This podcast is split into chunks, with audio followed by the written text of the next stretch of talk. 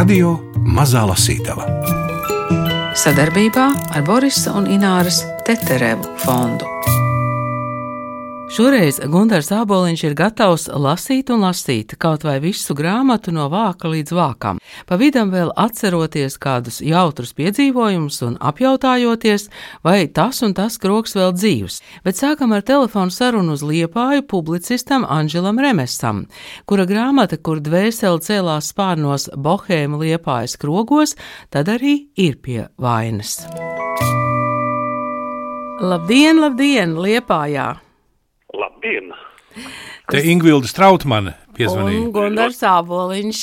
Ļoti, ļoti patīkami. Es, es divus cilvēkus dzirdu reizē. Jā, bet jā. austiņa jums ir viena, bet abi divi mēs esam vienā ausī. Jā, jā. Labajā vai kreisajā? Man kreisajā. Jā. Kreisajā, tas ir svarīgi. Jā. Ziniet, kā jā. mēs lasījām to jūsu grāmatu, un nevaram saprast, eh, ko izlaist, jo gribas gandrīz visu lasīt arī skaļi. Vai paldies! Paldies! Bet, eh, nu, izstāstiet mums, kā jūs nonācāt līdz tam, lai aprakstītu to bohēmu liepājas krogus. Nē, es gribētu vēl precizēt jautājumu, kur piedzima ideja krogā? Eh, nu, ziniet, nē, tas jau bija pēc krogas periodā piedzimta ideja. Krogas periodā jau darīju savu darbu, tad jau nebija laiks rakstīšanai. Man Ēriks Hānbergs laiku pa laikam liek kaut ko uzrakstīt, un es klausu viņam, ko viņš man liek jo es viņu respektēju kopš jaunības laikiem, ka mēs kopā Liepājā strādājam redakcijā, un viņš man iemācīja, kā lāpīt paģiras pareizi. Un es kopš tā laika viņu cienu un klausu, un man viņš ieteica rakstīt par to slaveno Bohēmas citadeli, fotožurnālistu Ulda Brieža mītnu vāgūzes. Viņš jau bija rakstījis to, bet nu viņš vēl uzrakstot vēl, Jo citādi tas vāgūs viņš ar vieniem viņš skan kā, kā nu, tāds tā kā tur būtu padomi varas pamati grauti, un citiem skan, ka tas bija žūpības pereiklis, bet tas nebija neviens ne otrs. Viņš man ieteica parādīt savu cilvēkiem, kā tur ir apgrozies, ka tā bija tāda vieta, kur varēja brīvi aprunāties vīri, satikties, protams, pacelājot mēriņus, bet ko varēja brīvi aprunāties, apmainīties idejām un un kur radās tāda uzrīkstēšanās gars tur radās. Nu, un tad tur bija tādi bieži viesi, bija, bija aktieris Valdemārs Zandbergs regulāri, nāca rakstnieks Egons Līvs, aktieris Daumans Vīlgrāvis, un tālāk dzēnieks Olavs Gūtmanis. Aktieri un literāti. Aktieri un literāti, arī mūziķi, arī, kad no, arī Eriks Hārbergs bija ļoti bieži viesis, kad ieradās no Rīgas mūziķi bija Ulris Stabulnieks, bija Gunārs Rozenbergs, bija tādi regulāri viesi. Nu, un es ar viņiem centos parādīt to atmosfēru, kāda bija, kas saka, viņas ievest tādā laikā, tādā vāgojuši gaisotnē, un caur viņiem parādīt, kā tur bija.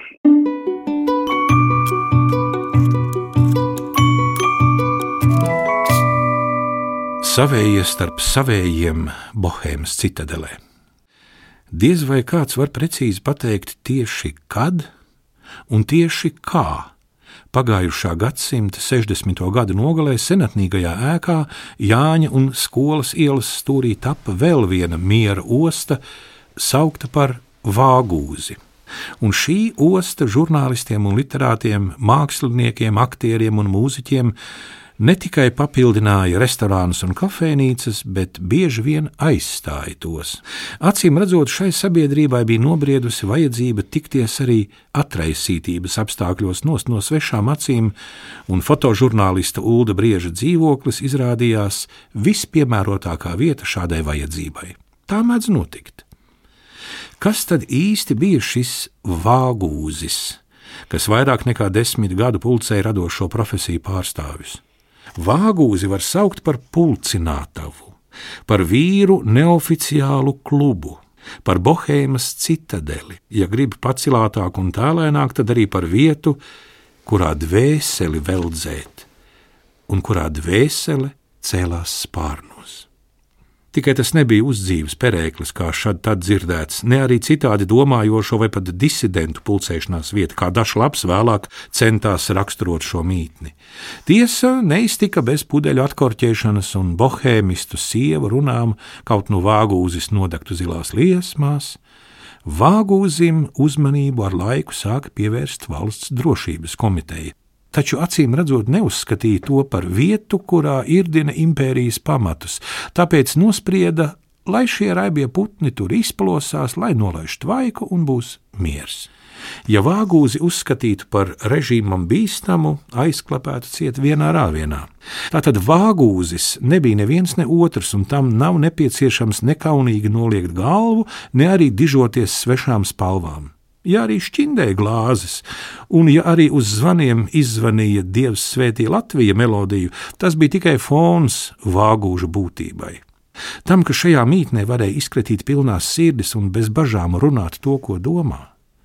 Citiem vārdiem sakot, tā bija vieta, kas palīdzēja vieglāk tikt pāri visām tām apkārt notiekošajām neiedzībām un liekuļošanai, kas vēlās ar vien nomācošākā straumē.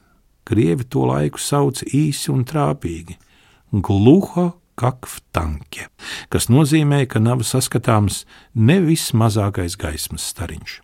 Vāgūzī neviens nekautrējās izteikt savas domas arī par notiekošo tajās nozarēs, kuras viņam bija pasvešas un tādas šķīlās zibeņi. Tikai tas nenozīmēja, ka vāgūzi varētu saukt par starta vietu domas augstam lidojumam vai kaut ko līdzīgu diskusiju klubam. Vāgūža lielākā vērtība bija uzdrīkstēšanos veicinošā gaisotne, kurā visi bija savējie, un šī gaisotne, šī brīvākā elpa pavēra ceļu tam, ka arī savā ikdienas darbā var atļauties pārkāpt sistēmas noteiktos ietvarus. Nē, nenoārdīt tos, bet pamēģināt spērt soli pāri ietvariem. Arī tas jau bija daudz, ka uzdrīkstējās mēģināt, kaut arī neizdevās.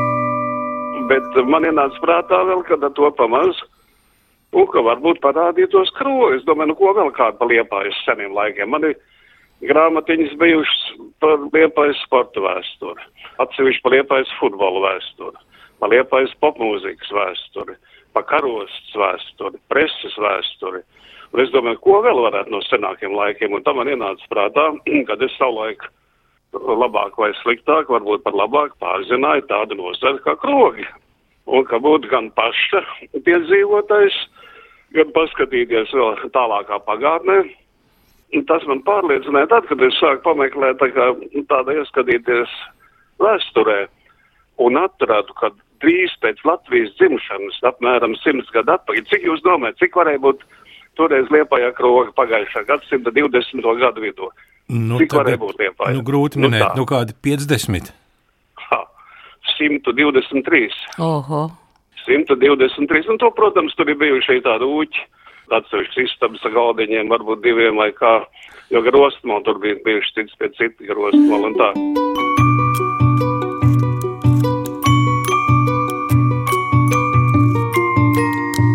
Radio Mazā Lasītava Gunārs Aboliņš lasa liepājas radošā praktiķa Anģela Remes stāstus par liepājas senām un netik senām bohēmas vietām. Kad liepājā uzcēla katoļu dievnamu, Svētās Trīsvienības katedrāli un Svētās Annas baznīcu, krocinieki apjauta, ka izdevīgi ir gara stiprināšanu apvienot ar miesas stiprināšanu, un krogus ierīkoja baznīcas tuvumā.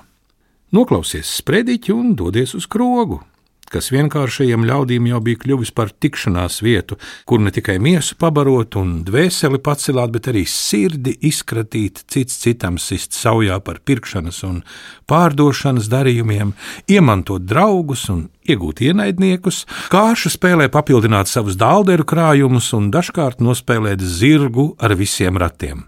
Ceļš uz krogu bija kļuvis tik līdzens, tik līdzens Krogi bija sākuši savu uzvaras gājienu, un 16. gadsimtā par tiem rakstīja arī Georgs Mancelis, teoloģijas profesors, Tērbatas universitātes rektors un vēlāk mācītājs Kurzemes hercoga Friedriha galmā Jelgavā. Īsi, bet trāpīgi. Krogā iet ir viegli, iznākt gaužām grūti. Daudzi sēž krogā un dzer dienu pēc dienas vairs nespēdams, murkšķina alus kausā kā cūka drabiņās. Tāds mūžam domā, kur ņemt naudu un aizmaksāt. Par krogiem mēģoja arī nelāgas lietas. Dažā labā ceļotājs esot pazudis tā, ka gailis pakaļ nedzied.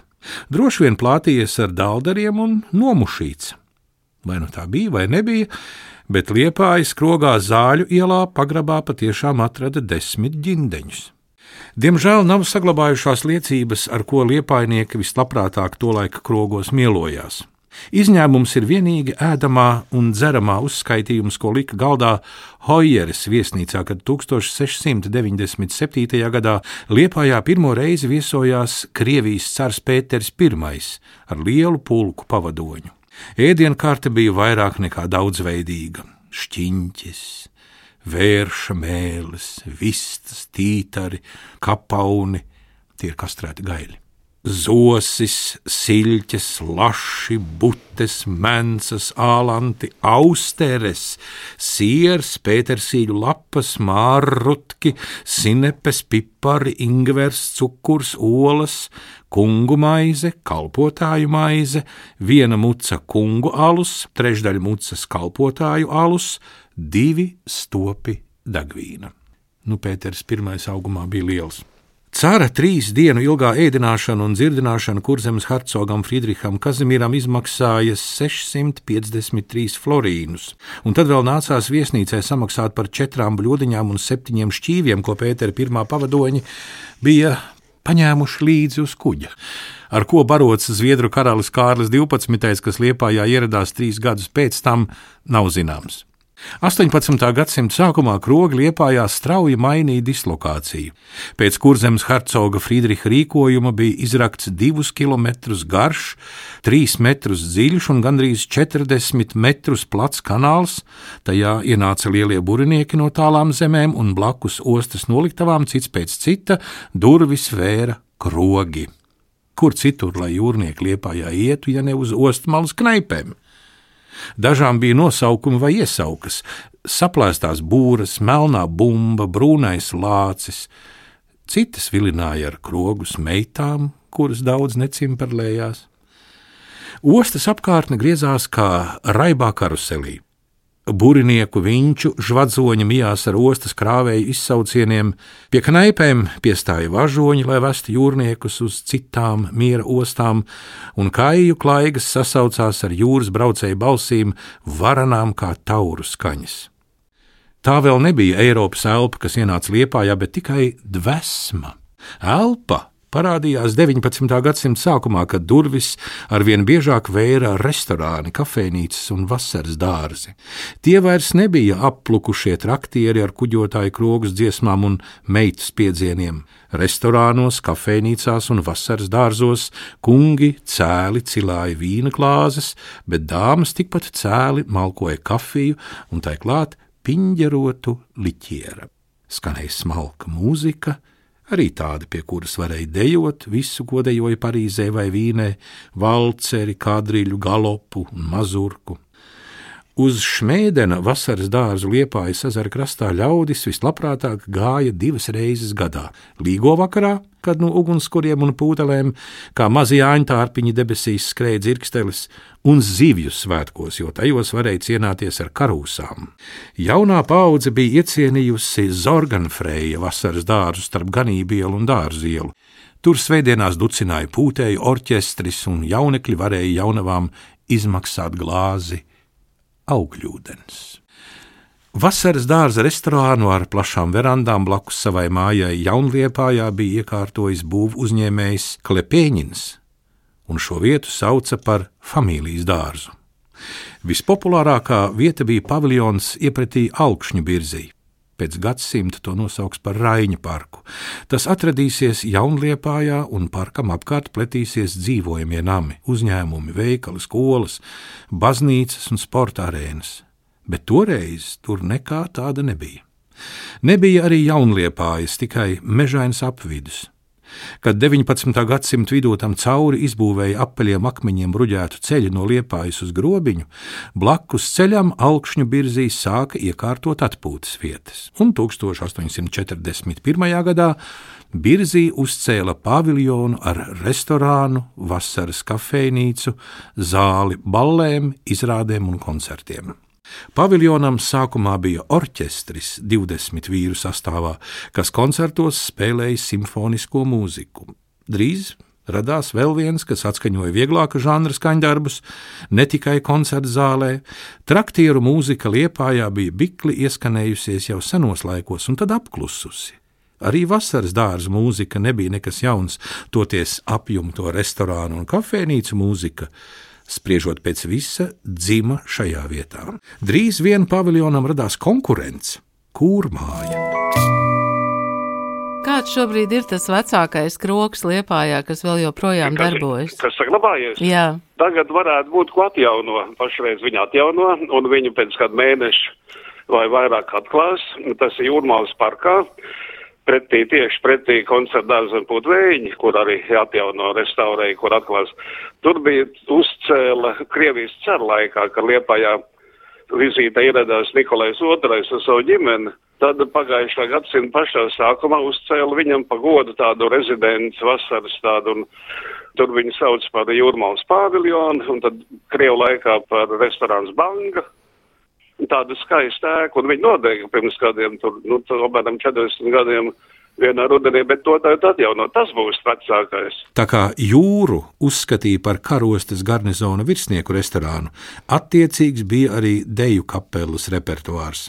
Kad vasarās sutīgos vakaros jūras otrā stāva logi bija atvērti vaļā līdz galam, pa visu apkārtni rībēja un dārdēja ej, marjak, tis liškam doga plāval, Tas ir jūrnieks, tu pārāk ilgi esi bijis jūrā. Un iehaļīmi v trojkas bubencāmi. Braucām mēs trijūgā ar zvaniņiem. Mūziķi bija meistarīgi, uzvarēja pilsētas skatēs. Tikai pēc kādas no tām žūrī bija nepatīkami pārsteigta. Repertuārā neviena latviešu komponista skaņdarba. Bet kāpēc tas būtu vajadzīgs, ja apmeklētāju vairumam tāds ir vienaldzīgs? Visi noteica pieprasījums, un tas bija vērsts vienā virzienā. Ar šo apmeklētāju kontingentu mums bija dažs labs piedzīvojums. Kad mūsu kompānijai apnika klausīties virsnieku pieprasītās dziesmas, nometām muzikantiem piecīti, lai viņi kādu pusstundu vispār nespēlē. Un tad, nu, pie sava galdiņa rāvām vaļā repertuāru, kas bija ne jau radio raidījumos vai koncertos to laik atskaņotais. Ja mūsu sastāvā bija Liepājas teātris aktieris Valdemārs Zandbergs vai Daumans Milgrāvis, droši vien logiem rūtis vibrēja. It sevišķi skanot rakstnieka Egona Līva spēka gabalam par to, kad ar uzvaru šo kauju beigsim, tad lielgabali klusēs un daudzi mierā dusēs. To allaži nodziedājām pacilāti, stāvot kājās. Vai par neredzamās frontes kareiviem dēvētie to nezināja? Gan jau zināja. Ja arī paši nebija dzirdējuši, tad kāds darīja zināmu. Pēc tam bieži vien taujāju sev, kāpēc nekāra pie lielā zvana. Droši vien tāpēc, ka uzskatīja apmēram tā, lai viņi izplosās un izlādējas, lai nolaiž tvaiku un galu galā valsts pamatus jau tas negrauj. Un tās miera ostas, kas bija kas saka, mūsu sabiedrībā, ja, kur mēs pulcējamies, tās jau praktiski vairs nav. Tās tagad vienīgais būs tas restorāns Banga, kas tagad sauksies Parka paviljons. Tas būs tas vecākais. Nu, kājas un liepavas jau tad vairs nav, es tā Ne, saprotu. ne, ne, ne, ne kaina, liepa un ne jūra. bet eh, sakiet, kur nav. tagad mūsdienās eh, liepājā pulcējas radošie cilvēki, kā jūs teicāt, aktieri, žurnālisti? Es pat īsti nezinu, vai tagad kaut kur tā pulcējās, jo kadreiz tas bija, kadreiz taču pie visiem tiem restorāniem, gandrīz pie visiem un kafejnīcām, pievakarēs vakarā, taču bija pūlis pie durvīm, kad, kad uh, nevarēja tikt iekšā. Gaidīja, kad nāks ārā kādu, un tad šveicars ielaidīs. Tagad taču tāda nav, tagad ir viss tukšs, tagad varbūt pāris cilvēku kaut kur sēž. Kā tas notiek, es tiešām vairs nezinu tā bohēma, kā viņi notiek. Un kādreiz jau tur satikās, tad krogā zināja, ka tur būs mūziķi, pulcēsies, tad zināja, ka būs liepais teātra aktieri. Nu, tajā zināja, ka tur mākslinieki vairāk, tajā tur literāti un, un žurnālisti. Un tad tās kompānijas toreiz apvienojās, gāja no viena kroga uz otru. Un kadreiz bija kāja un pretim tai pār tramvajas sliedēm viesnīca Līju restorāns. No turienes brauca taksometru pār tramvajas sliedēm pa vienu rublu. Jo neies jau kājām pāri sliedēm. Samaksāja taksometru šoferim rublu un brauc pāri. Kādreiz bija teātrī, bija teātra, liepais teātra, galvenais režisors bija Albīns Dzenis, tāds Latvijas laika cilvēks. Viņš bija Latvijas, arī Latvijas spējas ar nopelniem bagātais mākslinieks. Ja viņš bija kompānijā, tad viņš mudināja braukt uz grobiņu. Tas ir desmit km uz grobiņas restorānu. Bet Albīnam bija tā komanda, bija nevis visi ar vienu taks, bet katram savs taksometrs. Katram savs no, tika noīrēts. Un tad tur gāja, vai tur četri, vai pieci, vai seši, vai septiņi taksometri gāja tādā karavānā uz grobiņu. Tā kā valdības jā, eskorts. Jā, tā kā valdības eskorts, jā. Jā, jā bet tad jā. jāpadomā, kādas algas toreiz aktieriem bija, ja varēja tā eskortā braukt uz grobiņu. Katru vakaru jau to nedarīja, katru vakaru to nedarīja. Mākslinieku pagrabs. Tas neradās tukšā vietā. Līdz 1931. gadam tur atradās Hamburgas pagrabs, viens no viesnīcas Hamburga objektiem. Pēc arhitekta Berčī projekta 1894. gadā celtā viesnīca stalti stāvēja Graudu un Juliānas ielas stūrī. Tajā bija arī vasaras dārzs, bet visiespaidīgākais varietē teātris, kurā uzstājās arī mūziķi no vakara Eiropas. Pēc visas spriežot, pati graznākā zāle liepājā, kas atgādināja katedrāli ar augstām logu ailām, freskām, kā arī sienu un griestu glaznojumiem. Hamburgas viesnīcas restorānā švīti nenāca. Tie, uzstilpējuši raibas bikses un galvā uzlikuši salmenītes, devās uz citām kafejnīcām lētākām. Apmeklēt Hamburgas viesnīcas restorānu varēja atļauties tikai turīgi ļaudis. Un tur nāca nevis plītēt, nevis uzdzīvot, bet parādīt, ka ir pa kabatai pasūtīt bruņurupuču zupu, lielvārdas gliemežus, zosu cepešus, lašus, nēģus un austeres. Kungi ieradās cēlā gaitā, galvā katliņi vai arī cilindri, tad klāt pienācās balta šalle, Dāmām bija gari svārki ar šlepi, kas vilkās pa zemi, saceļot putekļus gluži kā slota, bet cepures atgādināja puķu dobi. Kad pusdienot ieradās linoleja fabrikas pārvaldnieks Kārlis Hilbrands, vai nu pat Amerikā tirzniecību apgūšais veikalnieks Kārlis Zīvards, tresotais un livrejotais šveicars jau pa gabalu rāva vaļā durvis, bet mažordoms ar kuplo vaigu bārdu klanījās vai līdz zemei vezdams kungs pie galdiņa. Kad pamanīja nākam liepājas ietekmīgāko rūpnieku un dažādu biedrību priekšnieku Jāni Čerpi, tad gan mažordomas sirds sarāvās. Ķerpe bija negants vīrs, kas prata citus aizvainot uz līdzenas vietas un pats to labprāt izbaudīja. 20. gadsimta sākumā parādījās tāds jēdziens kā amerikānisms. Amerikāņu mode, amerikāņu tikumi, amerikāņu dzīvesveids, To veicināja pasažieru tvaikoņu satiksme starp Liepāju un Ņujorku. Laimes meklētāji uz visu iespēju zemi Ameriku devās no Krievijas malu malām. Citu gadu pat 70 tūkstoši, un visi brauca caur Liepāju. Viņiem uzcēla trīs staltas ēkas, kuras dēvēja par emigrantu mājām, un kamēr izbraucēji gaidīja kuģu attiešanu, prasīties prasījās izklaidēties. Tāpēc arī tajos gados restorāni un kafejnīcas uzplauka kā ziedoša pļāva Līgo svētku priekšvakarā.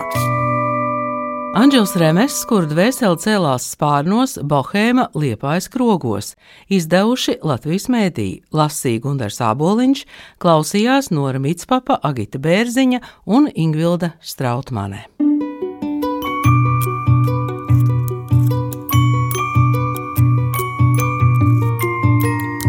Radio Mazā Lasītava. Sadarbībā ar Borisa un Ināras Teterevu fondu.